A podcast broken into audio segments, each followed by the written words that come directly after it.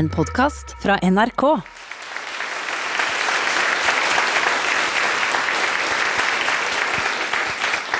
Velkommen til debattmøte ved Nationaltheatret, arrangert i samarbeid med Manifest Tankesmie. Mitt navn er Magnus Engen Marsdal, og jeg er leder for den folkefinansierte tankesmia Manifest.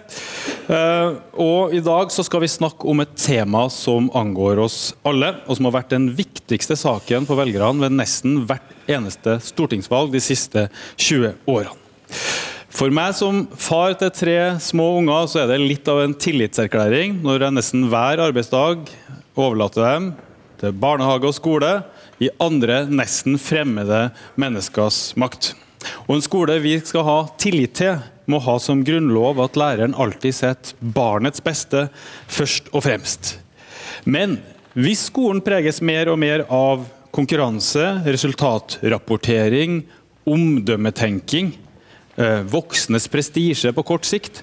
Hva skjer da med hensynet til barnets læring på lang sikt? Det er ett av temaene i Nationaltheatrets nye stykke Reform 97. og Det skal vi samtale om her i dag også, med SVs skolebyråd i Oslo, Inga Marte Torkelsen, Høyres stortingsrepresentant Mathilde Tybring-Gjedde, eh, og vi skal møte før det psykologiprofessor og forfatter av boka 'Generasjon prestasjon', Ole Jakob Madsen. Men aller først skal vi til barne- og ungdomspsykiatrien. Vi skal møte en av Norges eh, fremste eksperter på barn og unges eh, psykiske helse. Overlege og spesialist i barne- og ungdomspsykiatri ved Rikshospitalets avdeling for barn og unges psykiske helse på sykehus. Ta godt imot Stein Førde.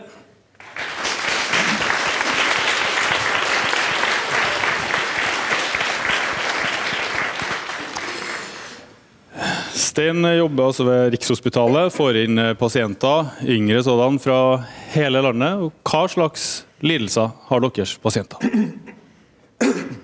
Ja, det er, det er eh, kroppslige symptomer som vi får inn. Og det er pasienter som man ikke har funnet årsaken eh, til symptomene for. Altså, man har lett uh, i helsevesenet, i, i i barneavdelingene uten å finne årsaken til symptomer som kramper, besvimelser, øh, synstap, hørselstap, lammelser. Og, og, da har vi dem inn hos oss til 14 dagers utredning tverrfaglig, slik at alle aspektene av, av barnets liv kan bringes opp. Og Hvilken aldersgruppe kommer til dere? Ja, vi har fra 5 og opp til 17-18 med lidelser som uh, foreløpig er uforklart. Da, foreløpig er det uforklart, og, og, det er ofte slik at, uh, at uh, helsevesenet, ikke, helsevesenet selv gir ulike forklaringer. Kan du si litt om hva stress er, og hvordan stress virker på kroppen, på helsa? Ja, stress kan vi iallfall dele i to, i to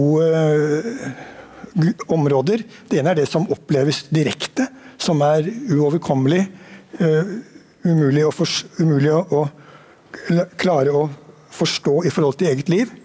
Det skjer noe omkring, en som man ikke klarer å, ikke klarer å, å, å komme videre med. For eksempel, jeg har et eksempel fra et barn som sto i en skilsmissesituasjon, og som til slutt sier jeg vet sannelig ikke hvilket ben jeg skal stå på. Og det barnet er da lammet, har lammelser og sitter i rullestol. Slik at Først er det altså da en sosial Eh, situasjon hvor barnet dras mellom forskjellige foreldre. Forskjellige måter å møte barnet på, kanskje til og med uvennlighet mellom foreldrene. Og så ender det med en kroppslig, en kroppslig tilstand. Ja, Så det er en skadelig form for stress? Ja, det må man si er en skadelig ja, form for stress. Men finnes det en annen form òg? Jeg tror ikke jeg skal gå inn på det, for det er, da må man begynne å fintolke dette. Ja. Men det å være stimulert av noe, hvis det er det du tenker på, det er vi avhengig av hele tiden. Mm.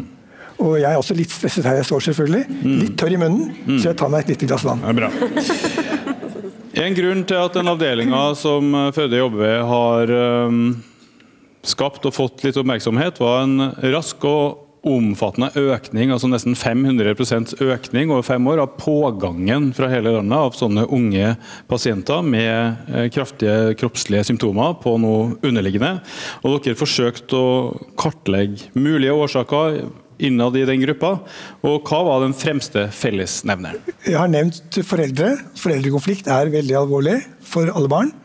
Men skole viste seg å være en, kanskje den viktigste. Men disse, disse forskjellige faktorene øh, de henger jo sammen. Så å liksom si at det er den her og den der, i den sammenhengen, det kan man ikke direkte gjøre. Men skole er en avgjørende faktor. Og alle de pasientene vi får inn, de har betydelig skolefravær opptil flere år. Uten at man har klart å gjøre noe med det. Og De peker på skolen som et problemområde for seg, men hva er det egentlig ved skolen? Det kan være mange ting? Det er, øh, det er øh, stress øh, som påføres fra undervisningen. Et eksempel er i femte klasse. En lærer som sier nå må vi jobbe hardt, slik at vi klarer oss i ungdomsskolen.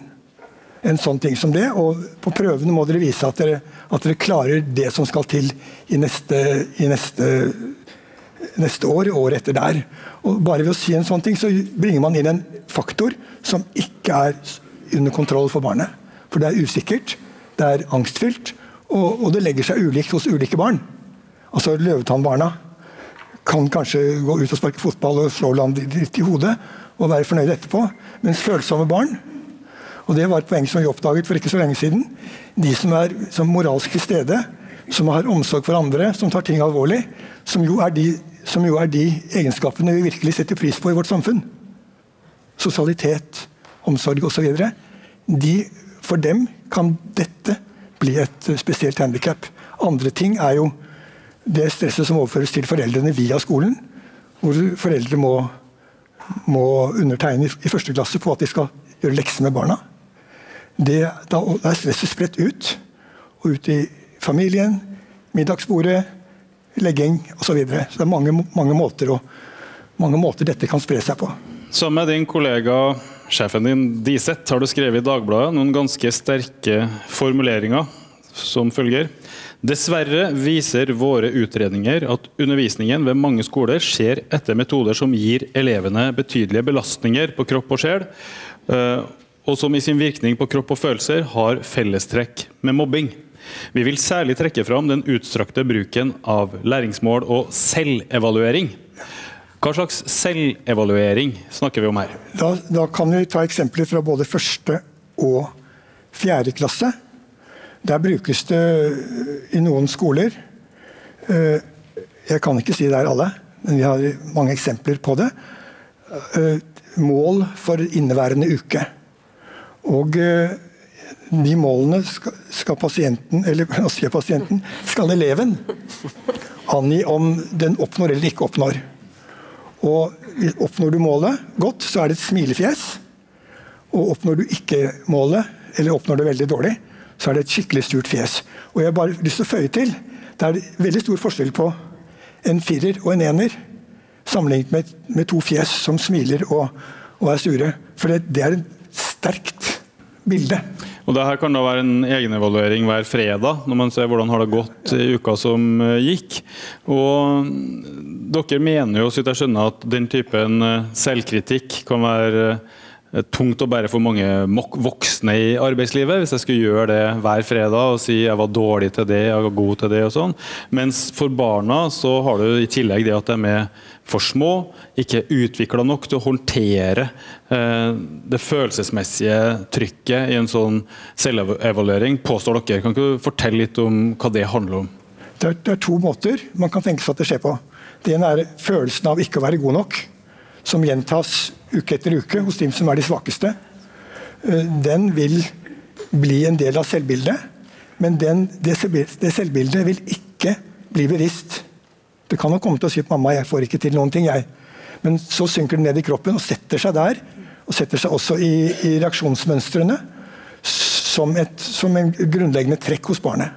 Det er en annen, like, en annen side ved dette, og det er de barna som bare måte, ikke setter at jeg er dårlig, eller som ikke bryr seg noe om det.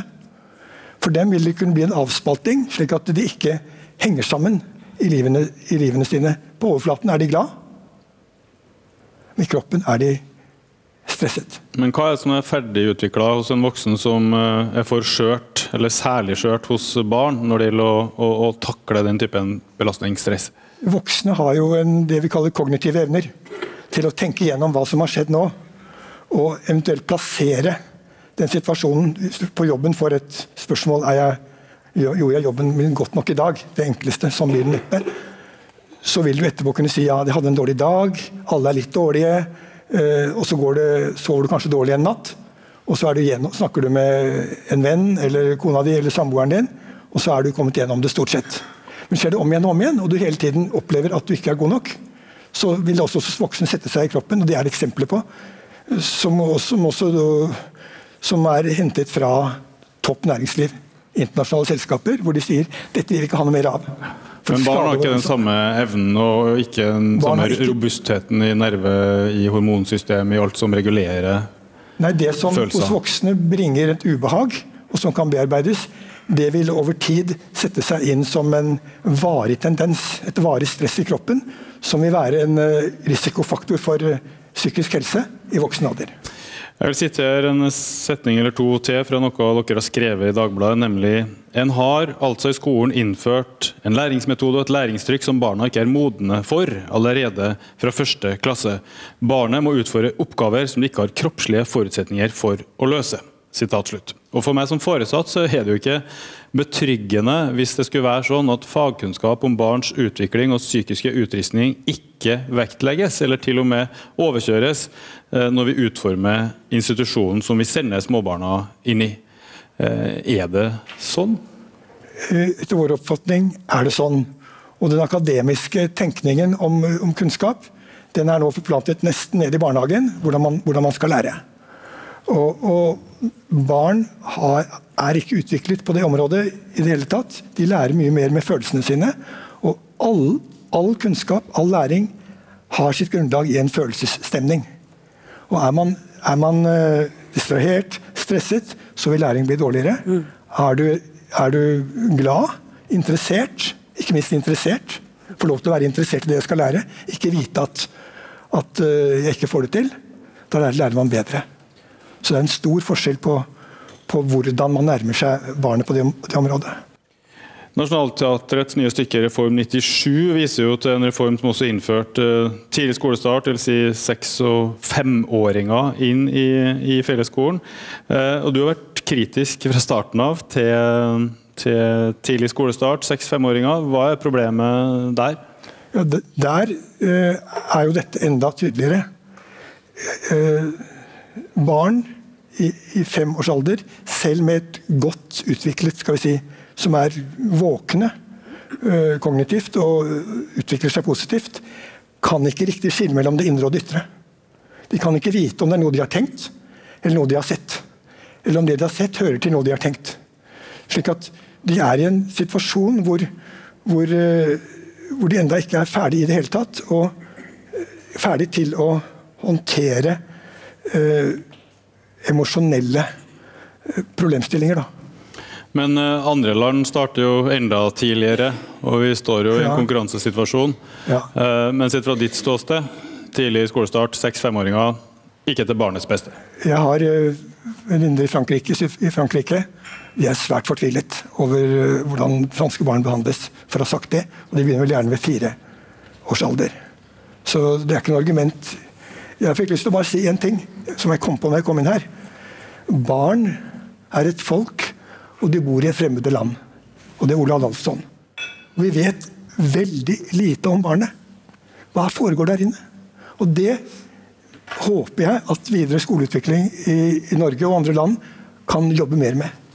Vi skal få opp uh, neste gjest også. Sten Førde kan bli mm, stående. Vi skal ta inn en professor ved Psykologisk institutt ved Universitetet i Oslo, som også er forfatter av en bok som heter 'Generasjon prestasjon' og andre bøker.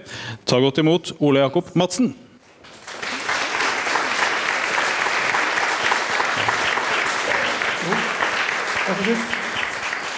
En undersøkelse av uh, unges opplevelser i verden, som heter Ungdata, viser en økende og utbredt forekomst av psykiske plager i ungdomsårene.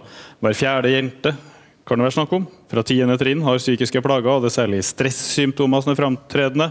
Og det anføres en klar sammenheng mellom skolestress og depressive plager, og det er en høy andel av, av ungdommen som føler seg ofte eller svært ofte stressa av skolearbeidet.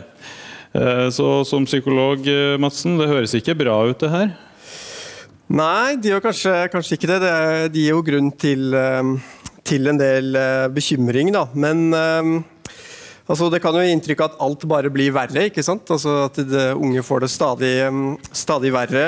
Eh, det er jo en del liksom, ting likevel, da, liksom en del forbehold jeg tenker vi må ta da, til de ungdataundersøkelsene som jeg skriver en del om i boka. Altså, Gjennom hele 2010-tallet har man sett en økning, eh, riktignok ikke for guttene. altså Der gikk eh, psykiske helseplager og sånn ned fram til 2015, men også der har det begynt å skje en økning. da, og For jentene så har det jo økningen på de siste par årene vært liksom særlig sånn dramatisk. og Den har faktisk vært så stor at disse ungdataforskerne som jeg med, da, er liksom usikre på hvor liksom reelt liksom dette er. Da. Eller om det også kan skyldes at vi nærmest har nådd et sånt vippepunkt kanskje i oppmerksomheten og bekymringen rundt unges psykiske helse i medier osv., som også liksom er med på å påvirke rapporteringen. Da. Fordi dette er jo basert på sånn selvrapportering. altså De unge sitter og krysser av på sånn om de noen ganger føler at alt er et slit, eller om de bekymrer seg for mye for ting. da. Så det som kan ha endra seg, er tilbøyeligheten til å rapportere like mye som tilstanden?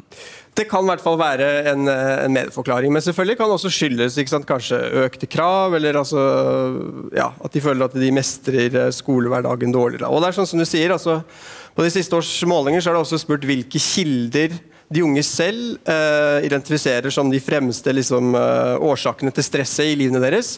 Og Da kommer skolen ut desidert på topp. Da. Og Særlig for jenter. 46% av de spurte jentene opplever liksom, et relativt høyt nivå av stress og press i skolen. Da. Mens sånn som det å ha mange følgere eller for mye likes på sosiale medier kommer relativt lavt ut. da.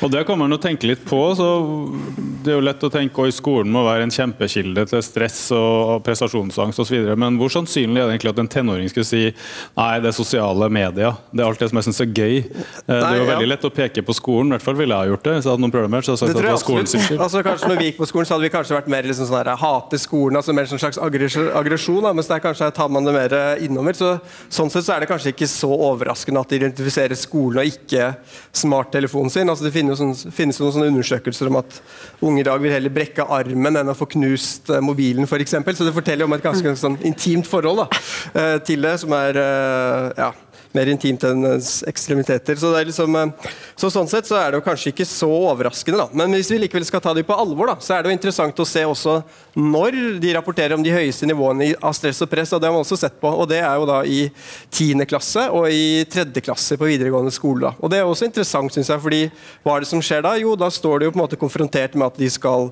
uh, inn på en bestemt videregående skole, eller gjerne inn på en høyere utdanning, ikke sant? hvor karakterene er avgjørende. så Eh, mange, og kanskje særlig for jenter, da, så føler de vel at altså, hele framtiden deres står på spill hvis ikke de får den rette karakteren. Og sånne ting. Og kanskje med rette, fordi vi som samfunn forventer på en måte at de fra ganske tidlig skal ta liksom, store liksom, livsavgjørende valg da, for, for, um, for, fremtiden sin. Så Flere også snakker om sant, at unge i dag må veldig tidlig foreta en form for sånn liksom, framtidsdisiplinering. Mens Tidligere så hadde man kanskje et arbeidsliv som var uh, mer åpent for type jobber hvor man kanskje ikke trengte så mye formell kompetanse, og sånne ting, mens ting har blitt veldig som, poda inn på at du må gjennom utdanningsløpet da, for å kunne ha valgmuligheter.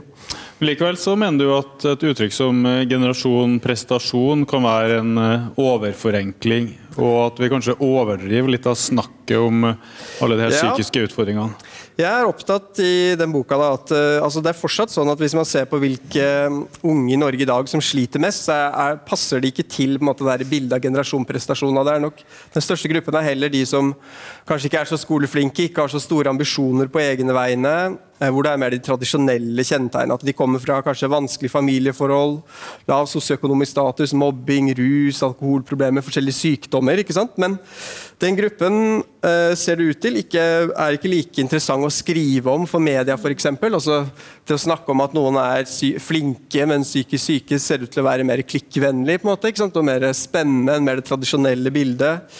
Denne gruppen her er kanskje heller ikke så artikulert og så flinke til å sette sine problemer på agendaen i sosiale medier eller på Aftenpostens sidesider osv.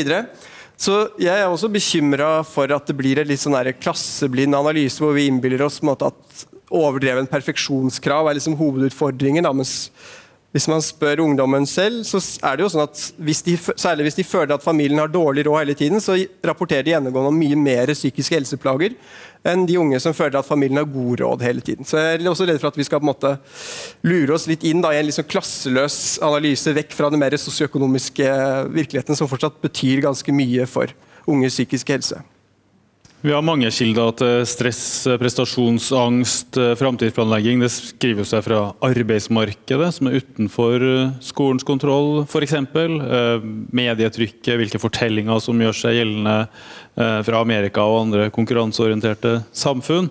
Og det ville ha vært barnslig å si at skolen er årsaken til økende stress. Men likevel, sånn som du ser det utenfra, da, framstår det som om skolen i dag er den positive motvekta som den burde være, etter mitt syn i hvert fall, til sånne tendenser som skaper trygghet, eh, reduserer stresset, presset. altså Hvilken plass får skolen i den kulturelle situasjonen som det unge mennesket står i? Mm. Nei, det, du, det, er et godt spørsmål. Du kan jo si at øh, kanskje er den ikke det. ikke sant? At det er liksom fokus på at de skal De blir fortalt liksom at dette dette er viktig. Ehm, dette med livsmestring skal jo nå inn sant, i, eh, i, skolen fra høsten 2020 sammen med folkehelse. Da kan man også spørre seg måte, om det blir nok en ting liksom, hvor de unge skal prestere eller mestre. Altså, de skal riktignok ikke få Uh, karakterer er ikke et eget fag, da, så du kan ikke stryke i livsmestring. heldigvis, eller sånne ting, Men uh, det reiser jo noen, noen spørsmål. da. Ja, Vi aner så. jo at skolens myndigheter her aner at vi har noen utfordringer, så da dytter vi inn livsmestring som et tverrfaglig tema. Ja, det er liksom paradoks. ikke sant? For Hvis man snakker om stress, så kan man så snakke om sant, at det oppstår det eh, misforhold mellom omgivelsenes krav og individets liksom, potensial for å mestre de kravene. Da, ikke sant? Og da kan løsningen enten være å senke på kravene fra omgivelsene, eller forsøke å endre individet sånn at de mestrer måte, kravene. Da. Og Det er jo det siste kanskje man velger da med livsmestring. Så jeg tenker at dette er heller ikke på en måte Uh, uproblematisk eller upolitisk også. Det, jeg også lurer på om det har en litt sånn politisk slagside der, hvor det er liksom, på en måte, individet som må endre seg, fremfor at man endrer på en måte, kravene eller organiseringen av skole, skolehverdagen. Da. Så det er noen interessante debatter vi har, uh, ja. spørsmål som står igjen der også. Og Der tror jeg vi nærmer oss noe vi kan kalle for eh, normalitetsbegrepet. Og muligheten for et lite barn for å falle utenfor grensene for det. Uh, Antallet barn mellom 4 og 9 år i Norge som blir medisinert for ADHD, er dobla siden 2004. Vi er et av de landene i Norden som medisinerer flest barn. Så kom det altså en studie fra Folkehelsa nå ikke så lenge siden i Scandinavian Journal of Public Health som bekrefta det vi har sett fra andre land. Gutter født sent på året, oktober, november, desember, har 40% større sjanse for å bli diagnostisert med ADHD Sammenligna med klassekameratene som ble født i januar, februar, mars, april. Eh, og det er ingenting som tyder på at det er noen biologiske eller sånn medisinske forskjeller på dem som er født i desember og dem som er født i januar, men diagnosen 40% større sjanse. Hva tror du det kan skyldes? Eh, nei, altså den, du har helt rett, den, eh, men den studien du refererte så sier de også at de liksom ikke vet årsaken til eh, hvorfor det er sånn. Da. Men det er jo veldig fristende og nærliggende å tenke at det har noe å gjøre med på en måte ja, årshjulet og når man er født, og at gutter gjennomgående ofte er eh, seinere utvikla enn enn en eh, jentene. Da. Så det minner jo på en måte om sånne paralleller hvis noen av dere har hørt om den kanadiske forfatteren Malcolm Gladwell, som har skrevet flere sånn populærvitenskapelige bøker. Så viser, husker Han viser i en av sine bøker også at sannsynligheten i Canada for å bli ishockeyproff, altså NHL, er vesentlig mye større hvis man er født tidlig på året, f.eks. Sånne ting. Så det er jo liksom noe med kanskje også hvordan vi har valgt å organisere oss. Da. At de ja. guttene som er født sent på året, er ofte mindre mm, altså eh, kommet kortere i måte, utviklingen sin, modningen sin. og da blir på en måte de kravene kanskje til å følge kateterundervisning så og så lenge osv. for store, og da blir atferden deres et problem. Altså, det er jo også et godt eksempel på hvordan en del av de diagnostiske kriteriene som på en måte oppmerksomhetsproblem, eh, oppmerksomhet, impulsivitet, hyperaktivitet, alltid må forstås i forhold til noe. Noen krav i situasjonen hvor de først blir et problem. Da. Så det mm. Og Her er det et interessant sammenfall i tid eh, sånn cirka, mellom at vi fikk fem-seksåringene inn i skolen, der det først skulle være lek, men det ble ikke noe av. fordi man fikk jo nesten samtidig et helt annet fokus på resultatrapportering, de nasjonale prøvene som etter hvert skal gjennom osv. Så, videre. så der står du da som eh, kanskje en ung, ikke så veldig erfaren lærer, og du vet at de ungene skal gjennom et sånt nåløye som anses som en test på din kompetanse også, så har du noen sånne rabagaster som de er jo bare fem år. Kanskje ikke sitter så pent på pulten sin som de burde hvis klassen skal få optimalisert eh, læringsresultatet sitt her. og Da er det i hvert fall en amerikansk studie av det samme med ADHD som eh, antar hos forskerne at eh, det blir gitt ADHD-diagnose etter press fra lærere som sliter med å få de yngste ungene til å sitte stille i klasserommet. Hvis det skulle være sånn, oss liksom vanlige samfunnsborgere imellom, Eh, tenker jo at jeg da kan stole på at skolen er innretta på en måte som faktisk setter hensynet til barnets beste først og fremst? Jeg liker jo liksom å ha liksom tillit til uh, institusjonene våre. og sånne ting. Da. Og det liksom dette, altså Barnets beste-begrepet er jo liksom noe som alle liker å smykke seg med. Du kan på en måte vri og vende på veldig mye og si at det er til barnets beste. Da. Men hvis det er sånn som du sier, at det er noen slags insentiv da, for å få flest mulig gjennom på noen sånne målparagrafer, så, så syns jeg i hvert fall det er viktig å være kritisk til Hvis man f.eks. ser tilfeller av veldig store økninger av økte henvisninger til til BUP osv. Det er jo også undersøkelser i Norge som tyder på at det er veldig store regionale forskjeller. Altså, eh, mitt eget hjemfylke, da, Østfold f.eks., ligger veldig høyt når det gjelder det, sammenligna med Oslo, Sogn og Fjordane. Eh, Vestfold og Nordland ligger også veldig høyt. Da. og det, det virker jo underlig at, at, det skulle være så stor forskjell i barns skal si, liksom, nevrologiske, psykologiske utrustning eh, på tvers av Norge. Eh, så Det er jo nærliggende å tenke at det også har med ulike liksom, bestemte behandlingspraksiser og konkret liksom, politikk da, i de ulike, ulike fylkene. Altså. Ja, Det er jo på det området her vi har hatt eh, mest oppsiktsvekkende statistikker det siste tiåret, tror jeg. Vi har hatt en enorm økning i henvisning til PP-tjenesten f.eks. Og vi skal få inn to politikere her snart for å diskutere hva vi gjør med skolen framover. Eh, først eh, noen ord fra deg, overlege Stein Førde, til slutt. De her politikerne fra SV og Høyre som kommer opp nå. Eh, hva vil du som fagmann si til dem? Jeg hørte Asheim på radioen for et par dager siden. Fra Høyre? Ja, og Han var opptatt av at næringslivet skolen måtte ta hensyn til næringslivets ønsker. Og det næringslivet nå ønsker, det er jo kreativitet, fantasi sosialitet. Og så vil jeg si, Hvor finner vi det i barnets utvikling? i menneskets utvikling? Det er sterkest hos barnet. Der er fantasien sterkest. Kreativiteten, bevegeligheten, er sterkest der nede. Og jeg ønsker meg en skole som kunne se hvordan man kan utvikle de sterkere, samtidig som de også går gjennom en læring av formell læring.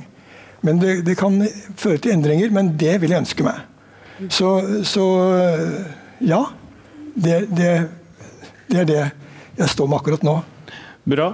Tusen takk, Stein Førde og Ole Jakob Madsen. Gi dem en applaus.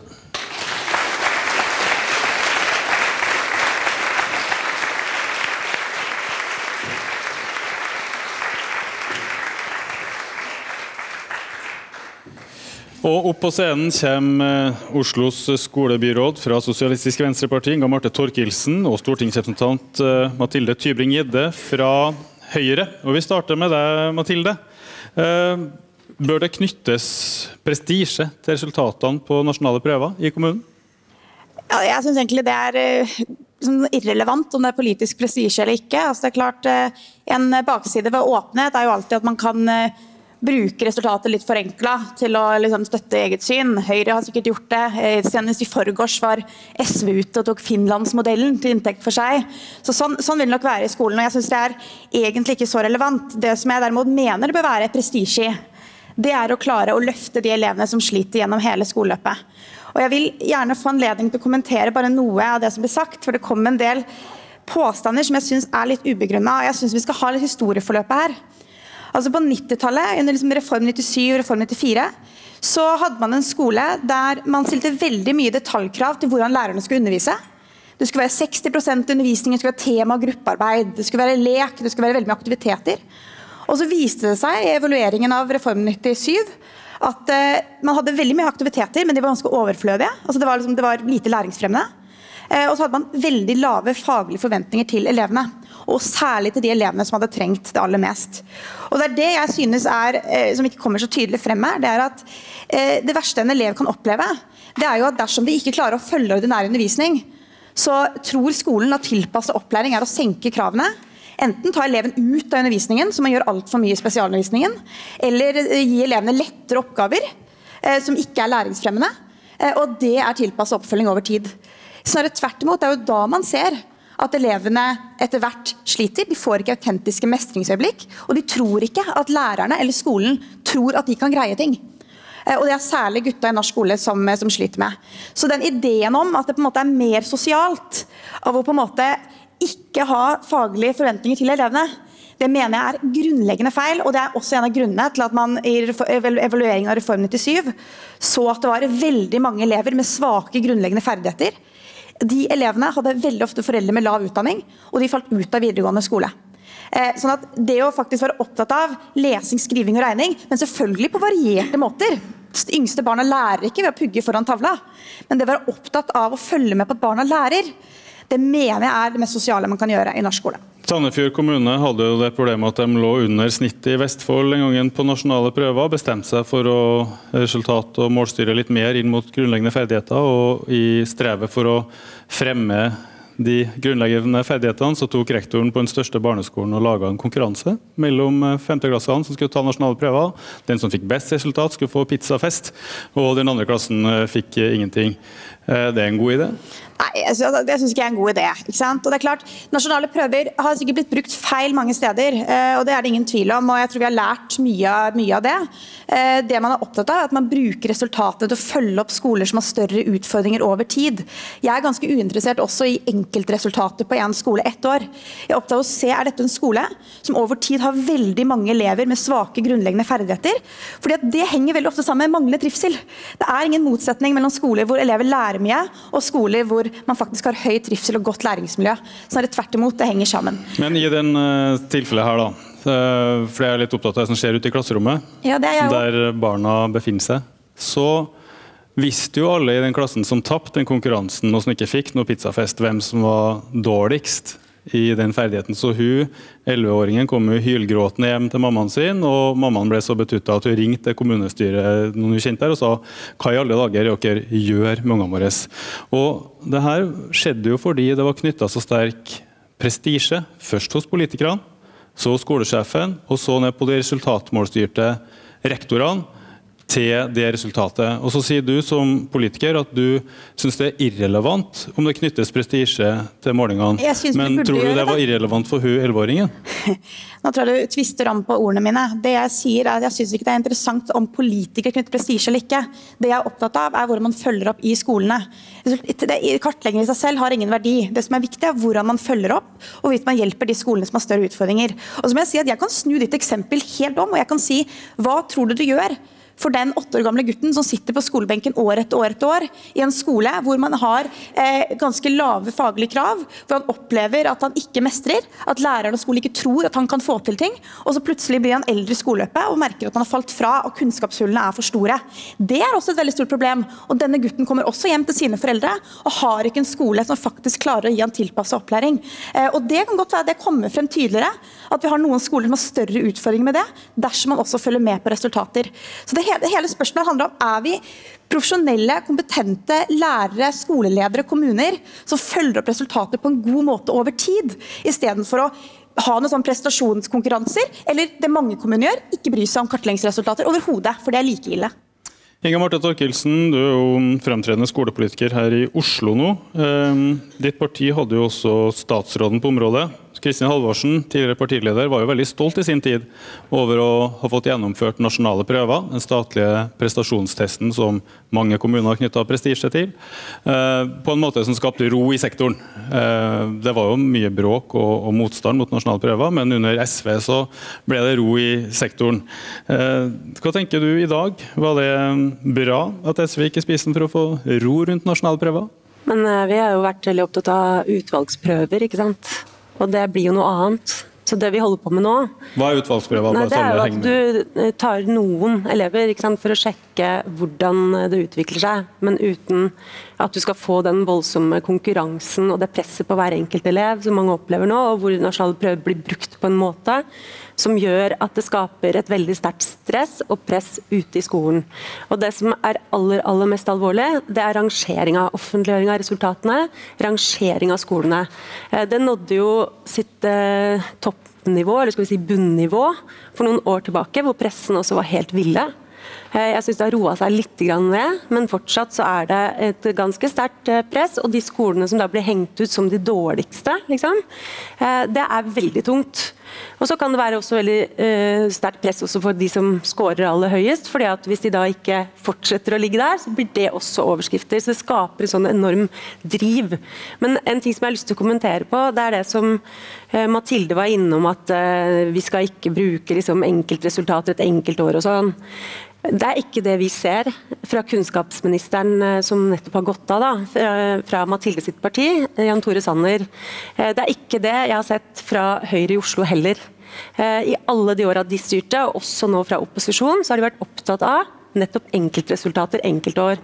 Vært ute på skoler med kake for å feire at man har gått opp på nasjonale prøver. Eh, Sanner har vært ute og snakka om enkeltskoler i forbindelse med skolebidragsindikatorene også. Eh, Og sågar så ble jeg bedt om å gi svar på spørsmål knytta til kartleggingsprøvene, som de da knytta til utvikling i resultater, til tross for at Utdanningsdirektoratet advarer mot å bruke eh, resultatene fra kartleggingsprøvene på den måten. Og jeg tror du er rimelig naiv hvis du tror at den måten å drive politikk på ikke siver ned på skolene. Til rektor, til lærerne, som igjen da eh, følte et press på seg til å drille elevene sine på den måten. Og Da får du noen av de resultatene som vi eh, fikk en gjennomgang av her i stad, og som jeg syns vi skal ta på dypt alvor. Eh, Tybring-Gjedde skal få kommentere det, Ja. men, men bare, for, bare før det, Inge Inger Marte Thorkildsen. eh, Du kan jo kritisere at Høyre knytter prestisje til bestemte skoleresultater, men er det ikke sånn at alle partier konkurrerer i skolepolitikken om å vise velgerne at nå lykkes vi, og at det på en måte blir et politisk produkt, partiene selv, til media og, og velgere? For eksempel, nå har jo mange fra venstresida påpekt at PISA-resultatene, den internasjonale studien til OECD, eh, ikke ikke viser fremgang etter 20 år med Høyre sin Clemet-skole. Og, og deltar jo dermed i den samme liksom, målestyringa og, og, og politiske prestisjekonkurransen om, om skolen. Jeg syns det er legitimt å trekke fram det når PISA ble brukt som et argument for at vi skulle gjøre alle de endringene som så ble gjort, og som eh, har fått noen eh, veldig uheldige utslag også. Eh, fordi at det ble brukt så hardt i debatten den gangen. Og så viser det seg at det har ikke blitt noen endring. faktisk. Det er fortsatt sånn at de elevene som har strevd før, de strever fortsatt. Og så er det en del ting vi gjør bedre. Altså, det er masse bra som skjer i Oslo-skolen f.eks. Vi har kjempedyktige lærere, vi har veldig god kursing, vi har god profesjonalitet og oppfølging og systemer og sånn. Det er superbra. Eh, samtidig så ser vi at det er en, den samme andelen omtrent som ikke klarer å fullføre et skoleløp. Og i tillegg så har vi fått et økende problem med utagering, med elever som blir borte fra skolen, som ikke orker å gå, og som kanskje ender opp da i psykiatrien eller et eller annet sted. Men de har det i hvert fall ikke bra på skolen. Eh, og Det eh, bekymrer jo meg veldig. Og så syns jeg samtidig at vi skal tone ned den der hangen som politiker etter å liksom løpe etter noen veldig lett målbare resultater. Jeg syns at vi skal skjerpe oss litt. Eh, Fordi at, eh, jo, men det, det gjør rett og slett at vi får noen ganske fordummende debatter om skole innimellom. Men det vi må være opptatt av, er jo hvordan vi kan følge med, sånn at vi får gjort eh, riktige innsatser når f.eks. skolen ikke er rusta til å kunne gi ungene det aller beste utgangspunktet for at de skal kunne lære seg å lese og skrive og regne og fikse og være et menneske i et samfunn. Men det kan vi gjøre på andre måter enn ved en sånn fordummende Ja, debatt om resultater. her snart. Vær så god, Tusen takk. Eh, da kom det en ganske mange påstander jeg må bare få, få lov til å si noe på. Det ene er at jeg mener vi skal bruke resultater med nøysomhet. Helt enig. Problemet med Ingemar Torkelsen og SV er at man bortforklarer resultater og er ikke interessert i å følge det opp. Og jeg mener at vi har ganske mye, f.eks. Oslo, som gjør meg genuint bekymra. Sånn at jeg sover dårlig om natta bekymra. Det ene er at du ser at andelen som er under kritisk grense i lesing, eh, skrivende regning de første årene i skolen, øker. Altså i samme kull øker gjennom de første tre-fire årene. Det er ganske bekymringsfullt. For det er da de som sliter med sånn grunnleggende lesevansker, språkvansker. Og når det øker, så vet vi at Oslo-skolen har mye større utfordringer. Og Utdanningsdirektoratet sier ja, at man, kan ikke, at man kan ikke måle det over tid, men de sier også at andelen sier noe om hvor stor utfordring man har, og at man har plikt til å jobbe for at det blir mindre og ikke flere. Det mener jeg er viktig. Og når man ser det da i sammenheng med at andelen som fullfører i Oslo går f.eks. ned, etter å ha gått veldig mange år opp, og vi vet at det å fullføre har utrolig stor betydning for å være en del av samfunnet, kunne ta ansvar for seg selv, kunne ta ansvar for andre, ha muligheter til å utfolde seg, så syns jeg det er bekymringsfullt. Når motivasjonen faller veldig på ungdomsskolen, eh, så syns jeg det er bekymringsfullt. Så det er klart at Som, som opposisjonspolitikere eller politikere så må man jo følge med på resultatene, men det vesentlige spørsmålet er jo hvordan følger man opp? Hva slags tiltak har man, hva satser man på? Og jeg forstår at du, debattleder, kommenterer at det ligger prestisje i å liksom konkurrere. Eh, det det ligger eh, ikke prestisje i, men det jeg synes er viktig å nevne, er at selvfølgelig mener jeg at Høyres løsninger i skolepolitikken skaper bedre skole over tid. Det er jo mitt standpunkt. Det samme mener sikkert Torkelsen. Eh, slik at jeg mener at Høyres løsninger, som er å satse på lærerens kompetanse, tredoble et videreutdanning, det å sikre at man har god skoleledelse og at man følger opp grunnleggende ferdigheter, lesing, skriving og regning, fra de første årene. At man er opptatt av å kartlegge om elevene faktisk er, er, lærer seg det, slik at ikke kunnskapshullene blir for store. Jeg mener at det er den beste måten. Men hvis vi tar, tar, tar akkurat det med, med, lesekoden, når er det et barn uh, i barneskolen skal ha lært seg å lese? Så det, det, er ikke et klart svar. Også lesing er jo en grunnleggende ferdighet som hele tiden skal videreutvikle seg. Mm. Det er ikke det samme kravet i andre klasse som det er i syvende klasse. Det er heller ikke samme metode i første klasse og andre klasse som i syvende klasse. Men når, når, når tenker Høyre at uh, man skal knekke lesekoden, som det heter? Da? For det er jo et lite sånn punkt der man klarer å lese setningene. Når, ja, Vi har jo kompetansemål som sier noe. Eh, og Kompetansemålene er jo først i slutten av andre klasse. Da sier det noe om hva elevene skal, skal ha lært. Eh, og så har jo da eh, kompetansemål videre opp skoleløpet. Hvis jeg lærer da, så har jeg et barn som ikke gjør det, kommer til slutten av andre klasse, kan ikke lese, i tredje klasse kan fortsatt ikke lese. Eh, hva gjør vi da? Da må man ha tilpassa og opplæring av dette barnet. og da, Ofte så vil det være eh, flere ting man sliter med. Det kan også være at man kommer inn i skolen med språkvansker. og det er klart, Da er det også mer krevende å tilegne seg lesing raskt. Men hvis alternativet du viser til er at man på en måte skal tenke at det er en naturlig utvikling og dette barnet ikke skal få mer tilpasset opplæring, så mener jeg at det har vært den største feilen i norsk skole gjennom mange år. Eh, jeg mener ikke at denne eleven skal settes utenfor klasserommet og liksom pugge foran en tavle. Det er ingen lærere som gjør det. Men jeg mener at man skal se elevene tidlig og følge med på å kartlegge hvorfor denne eleven sliter. Eh, slik at man kan sikre at ikke mestringsfølelsen til eleven forsvinner. For det er jo det som skjer i dag. Ja, men da tenker jeg at Hvis det er en naturlig variasjon da, på kanskje et par år Helt naturlig. Barn som kommer til å bli kjempeflinke som stor. Eh, er det ikke en fare også for at hvis man begynner å sette inn tiltak, fortelle ungen at den sliter, vi forteller, at den opplever at den gjør det? Ikke lærere gjør det. Jeg synes Vi snakker om lærere som det er maskiner. ikke sant? Det er forskjell på hva læreren diskuterer faglig seg imellom for å følge opp barn som, som, sliter, og hvordan de selvfølgelig snakker med barna. Og Det er det jeg synes er litt problematisk med noe av påstanden i denne debatten. fordi at Hvis du ser på eh, elevundersøkelsen, da. Veldig mange barn forteller at de har god relasjon til lærerne sine. Det er veldig stor tilhørighet i norsk skole. Faktisk så har uro og bråk i klasserommet blitt redusert kraftig, og mange lærere og elever har bedre relasjon. Lærere går ikke bort til barn og sier det på den måten. Det kan godt være det finnes anekdoter og enkelteksempler. Og jeg sier ikke at, ikke, at, ikke er, at, vi ikke trenger mer kompetanse, helt åpenbart på vurdering. Men jeg syns det er viktig å si at det verste man kan gjøre, det er jo å la barna gå mange år. Eh, og så tenker man naturlig variasjon, som ender opp med at man egentlig har falt av.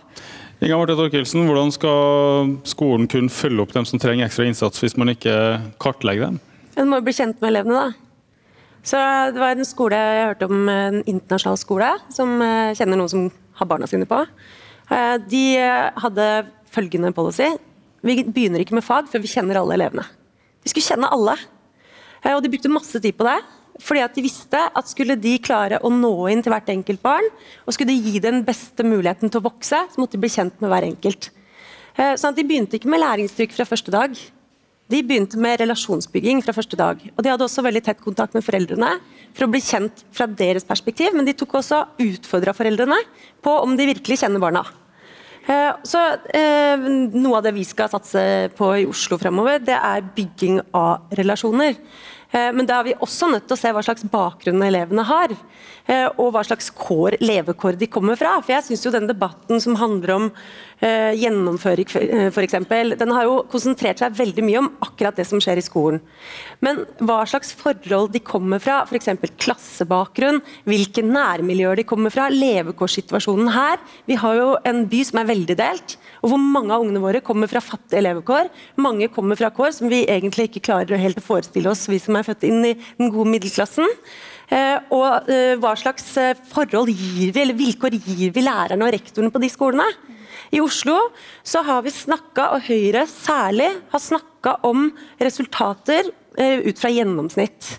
Og, det, og da har det vært en sånn konkurranse i hvem er det som scorer best. det er jo du som vil gjøre det Nå snakker jeg, for du har snakka veldig mye. så at, Når man da snakker om et gjennomsnitt og liksom, driver og måler en konkurranse ut fra det, så dekker jo det over noen variasjoner som er kjempestore. Og Det har gjort også at vi ikke har gjort det vi burde ha gjort i Oslo for mange år siden, nemlig gitt bedre vilkår til de skolene og i de områdene hvor det er de største levekårsutfordringene. For det spiller direkte inn på hva som skjer i skolen. Istedenfor sier man at det er skolen som skal drive sosial utjevning alene. Det klarer ikke skolen. Det her må vi gjøre sammen. Så Derfor er jeg kjempeglad for at i går kveld i bystyret så fikk vi gjennomslag for to viktige saker. En om økt motivasjon i skolen, fordi du må være motivert for å lære. Og fordi ungene fortjener å få en skole som virker motiverende på dem, bl.a. med praktiske og estetiske fag og arbeidsmetoder. Bygging av relasjoner. Finne ut av hva trigger hver enkelt elev. Og legge mer til rette for det, og mindre av det stresset og presset som har vært kjennetegnet ved Oslo-skolen i veldig mange år. Men og i tillegg at vi jobber der, jo... sammen for å få til gjennomføring. At vi ser at det må vi faktisk gjøre sammen. Det handler veldig mye om klasse og levekår. Det høres jo interessant ut å sette inn den typen eh, tiltak, men hvis skolene fortsatt evalueres på akkurat samme måte Rektorene vet at nasjonale prøver, 90 minutters prestasjonstest kommer, og de måles på det, eller barna vet jo også at de skal gjennom eksamen, og det knyttes jo mye mer prestisje eller eh, angst også til avgangskarakterer sånn i dag, sånn at målinga forblir den samme, hvilket da også atferden i systemet i stor grad forblir den samme. Ja, altså Det er jo vår bekymring. da. Så Det er jo derfor jeg uh, mener at uh, nasjonale politikere er nødt til å ta den debatten med mye større alvor. Fordi at Vi ser jo at det er mye det som skjer. Det jeg bidrar med som ansvarlig for Oslo-skolene, det er å tone ned det fokuset. Ikke fly ut og feire eller liksom lage krisestemning med en gang det er liten dupp ett år, f.eks. Du nevnte jo ettårsindikatoren på fullføring når det har gått oppover de siste åra. Men vi kommer jo ikke lenger enn til at ca. 20% av elevene likevel ikke klarer å fullføre. Fordi at vi ikke klarer å gjøre den jobben hvis vi ser bare blindt på skolen og akkurat det som skjer der.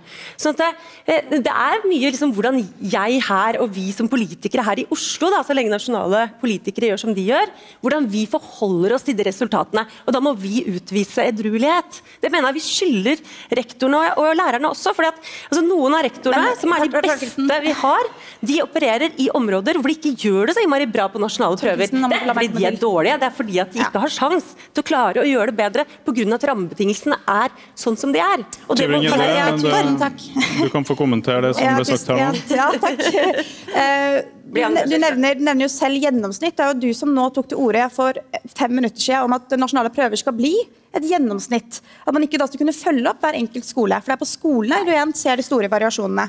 Eh, og jeg er helt enig med deg i at levekår selvfølgelig har veldig mye å si. Det er jo derfor jeg er opptatt av å vite hvordan det går på hver enkelt skole. Ikke bare eh, med eh, trivsel og mobbing, selv om jeg mener det er helt avgjørende, men også på læringsresultater. For det er også veldig viktig. Og læringsresultater sier veldig ofte mye om hvorvidt skolen har en god læringskultur. Eh, jeg synes det, Hvis du har en skole, en ungdomsskole som har eh, veldig mange elever som sliter med grunnleggende ferdigheter, og det blir flere av dem i løpet av skoleløpet, ikke færre, så er jo det et tegn på at denne skolen trenger mer hjelp, mer oppfølging. Og Det har også Høyre vært veldig opptatt av i Oslo.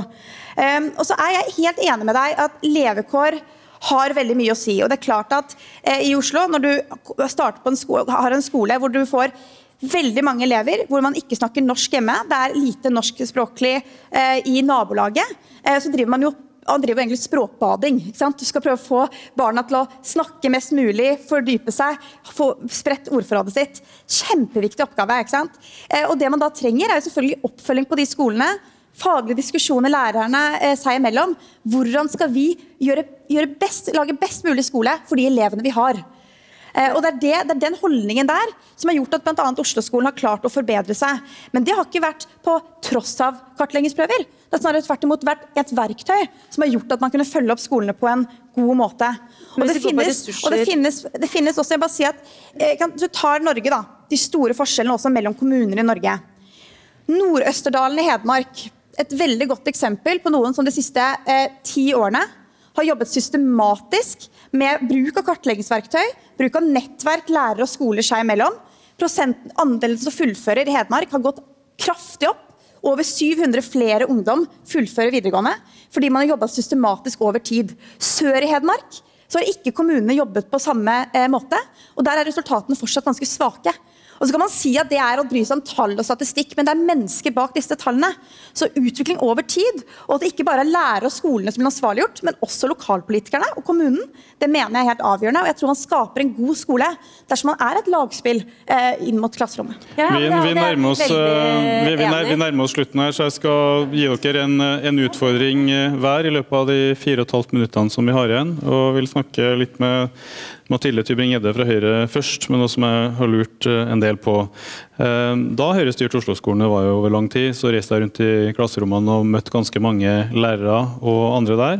Og det var en utbredt kritikk som sa at ja, vi har fokus på resultater, men det blir ofte bare det. Få det skinnende tallet på forsida av fasaden, og så er det ikke så farlig om du har juksa bak der. At alt handler om nasjonale prøver, så vi legger fag til sides i månedsvis for å drille på nasjonale prøver. Man bruker veldig anekdotiske bevis her, altså, for det er ja, noe som tyder på at det ikke stemmer. Som et parti som er opptatt av enkeltindividet, ja, så kan du ikke omtale individet som en anekdote. Jo, altså, Du kommer jo med anekdotiske eksempler. Det er en skole med 70 000, altså, det skole med 70 000 elever med over, over 10 000 eh, lærere.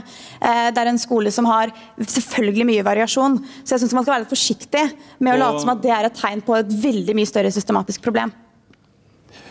VG avdekka at det ble systematisk øvd til kartleggingsprøvene som overhodet ikke skal øves til, over mange år eh, og for mange tusen elever. Så det er også en anekdote. Men det jeg ville spørre deg om, det er hvordan du som eh, relativt ung politiker i Høyre, som kanskje ikke har all den prestisjen knytta til det som var da, tenker om at det kommer så utbredt kritikk fra så mange fagfolk eh, som det var da under Høyres styre i, i Oslo-skolen. Gjør det noe inntrykk på en politiker? Eller hvordan forholder dere dere til det, når det kommer kritikk nedenfra? Altså jeg mener at man alltid kan forbedre, eh, forbedre, skolen, og det mente også Høyre i Oslo. Jeg mener f.eks. det har vært veldig lurt å øke skjevfordelingen av ressurser i Oslo-skolen de siste årene, fordi man har sett at det, det har blitt større utfordringer på enkelte skoler. Det mener jeg har vært smart, eh, smart endring. Men den kritikken eh, som kom om at, om at det ble bare Oslo Høyre, det vil jeg bare si. Nei, det gjorde, det gjorde, nei, du hva, Torkelsen, det gjorde ikke. Det, det, det, det dere fikk kritikk for, var å kutte ned til beinet på over 40 skoler. Det fikk dere kritikk for. Men nå, nå føler jeg at du sliter med å svare på spørsmålet, så du må du konsentrere deg om, om, oppgaven. Bare fakta opp ja, nei, men, ja, det er jo en debatt. Når du, du stiller meg konkret spørsmål om Oslo-skolen. Ja, jeg lytter til de faglige rådene eh, og de, de ulike uenighetene der i Oslo-skolen. Det er sunt med, med debatt i Oslo-skolen.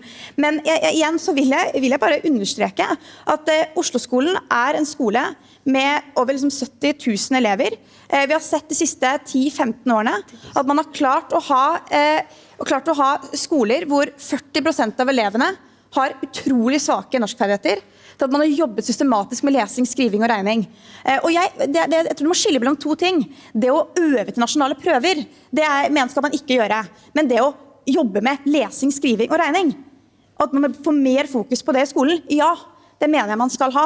Eh, og Man skal selvfølgelig variere undervisningen for å lære det, men at man har jobbet med det i Oslo-skolen konsekvent, det mener jeg bare skulle mangle i en skole som har det elevgrunnlaget man har. Men det er mange veier til rom, og, og da kan man også bruke til slutt, så, nå har vi bare et og et halvt minutt igjen. måte å lære seg de grunnleggende Jeg skjønner at det blir, det blir dårlig radio, så ikke helt på sånn. Til slutt, eh, Inga Marte Torkelsen, eh, som skolepolitiker fra venstresida. Vi i Manifest Tankesmie jobber med å foreslå et forbedra kvalitetssystem for grunnskolen, der vi ikke ikke vil ha nasjonale prøver på hver eneste skole hvert år, men eh, noen få skoler hvert år i hver kommune, sånn at ikke konkurransejaget setter seg i skolekulturen. Men så kan jo hver eneste lærer ta testen med sin klasse og sammenligne med landsgjennomsnittet og bruke det til pedagogisk utvikling hos seg. Eh, på 40 sekunder kan du si litt om hvordan eh, SV kommer til å stille seg frem til valget når det gjelder kvalitetssystemet i grunnskolen. Kan det forbedres? Jeg er skolebyråd i Oslo, jeg er ikke lenger nestleder i SV eller noe sånt. Så det må nesten SV nasjonalt få lov til å ta stilling til, men det høres ut som noe som er i nærheten av det som vi har stått for hele veien. Så vi får se. Men jeg er opptatt av at vi må høre på hva lærerne sier om det her. Jeg spør, jeg har barn i Oslo-skolen sjøl, jeg. jeg spør lærerne. Og det er Jeg oppfatter det, at de sier det samme egentlig som Steffen Handal sa til deg i går. Og det er at det er liksom vi politikere som er mest har hangup på eh, å bruke de eh, prøvene på den måten som vi gjør, og liksom springe etter resultatene på den måten, mens lærerne har et veldig edruelig forhold til det. Så gi dem tid, og gi dem ressurser til å gjøre jobben sin, og sørg for at de får litt space, sånn at de kan ta hensyn til det de ser i sitt klasserom, og tilpasse seg til det elevene deres har behov for. Det er, Inga, det er ikke noe motsetning. Inga Marte Thorkildsen fra SV, Mathilde Tybring-Gjedde fra Høyre.